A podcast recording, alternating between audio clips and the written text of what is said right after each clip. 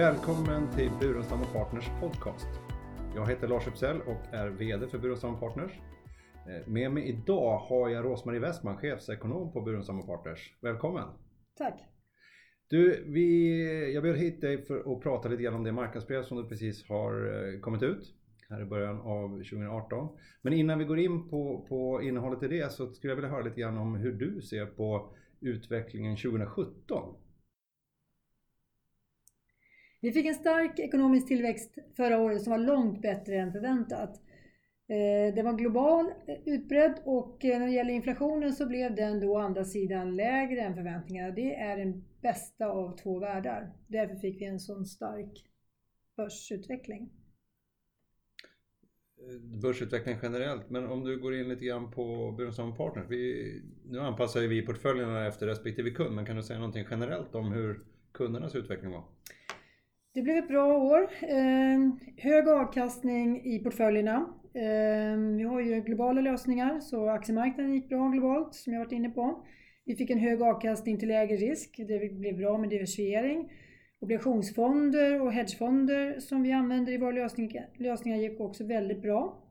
Eh, starkast börsutveckling var det i Kina, Japan och USA som alla var över 20% ehm, Vi hade lite svagare dollar Eh, den var minus 10% mot kronan och därför blev avkastningen just för USA som är stora i globala sammanhang på ungefär samma nivå som Stockholmsbörsen plus 10 Låter som det var det bästa av alla världar där också då? Det kan man säga. Det är svårt att upprepa men det är kanske inte omöjligt. Ja, bra. Du, ehm, efter så starkt år som 2017 eh, på aktiemarknaderna och eh, ja, e, e, man kan ju gå tillbaka till egentligen 2011 när vi hade en liten nedgång. Många som börjar bli lite nervösa på om vi går mot en toppvärdering på marknaden. Vill du kommentera någonting om det? Mm. Förra året då var väldigt mycket drivet av vinsttillväxten i företagen. Den här kombinationen med stark tillväxt och låg inflation påverkade vinsterna positivt. Och vi har, skulle jag säga, i huvudsak samma förutsättningar för 2018. Så som tidigare aktieanalytiker så är det vinsttillväxten som jag lutar mig mest mot och den ger tillförsikt även inledningsvis för 2018. Okay. Riksbanken pratar mycket om inflation och, och, försöker jobba mycket. Vi har ju egentligen negativa räntor i Sverige och man försöker få upp inflationen.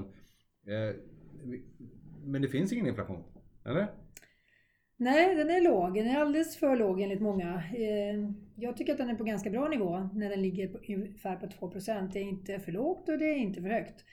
Men eh, många vill få upp den och eh, tittar man på nivån då så skulle den kanske varit lite högre med tanke på den höga tillväxten. Men vi kan, det kan bero på ett ändrat konsumtionsbeteende.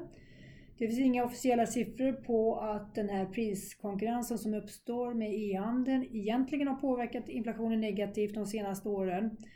Men det måste finnas några underliggande strukturella faktorer för att det ska bli så här låg inflation under så lång tid. Så kanske med lite avstånd till detta så kommer vi få svar lite längre fram vad som egentligen påverkar allra mest okay. de här åren. Och löneutvecklingen är kopplad till inflation. Eh, hur ser du på den? Vi har inte haft någon direkt eh, stark löneutveckling va? Trots att det är en väldigt stark högkonjunktur globalt. Mm. Det stämmer också. Arbetsmarknaden har ju skapat väldigt många enkla jobb i framförallt USA. USA är ju den marknaden där eh, man har haft den längsta uppgången och den lägsta arbetslösheten. Och trots det då inga löneökningar. Eh, jag skulle tro att det är så att de här enkla jobben som är dessutom osäkra skapar en dålig förhandlingssits helt enkelt på arbetsmarknaden. Eh, och de här lite mer högbetalda jobben som tjänstemännen har, de minskar ju eh, relativt då de här andra jobben. Så det kan vara en av förklaringarna, men det är svårt att säga exakt. Sen har vi en internationell konkurrens även på tjänstemannasidan när det gäller att ut, outsourca jobben till bland annat Indien när det gäller analys och vad det kan vara IT-jobb och så. Det kan också ha en ganska stor påverkan. Och så du menar alltså när det outsourcas till länder med man säga, lägre löner så, så driver det ner inflationen snarare? Ja, så ja. är det.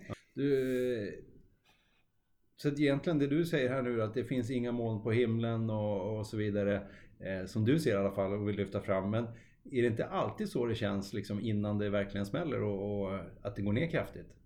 Det är en obehagskänsla, jag medger det. Jag känner själv den ibland.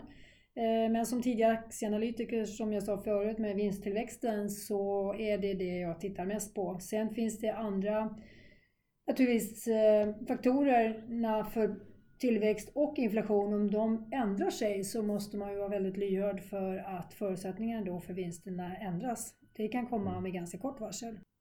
Ett exempel på det är risken för överhettning i USA på grund av den nya skattereform de har tagit som då inte är fullt finansierad inom statsbudgeten. Men det kommer förmodligen ta ett tag innan ekonomin i sådant fall blir överhettad. Okej, okay. men, men du om vi tittar eh, säkerhetspolitiskt så har det hänt ganska mycket under 2017. Eh, det måste väl ändå vara någonting som har försämrats med tiden här nu? Det stämmer att spänningen har ökat mellan stormakterna under 2017 och, och även tonläget mot Nordkorea och Iran till exempel. Eh, även den militära upprustningen har ju ökat eh, väldigt tydligt de senaste åren.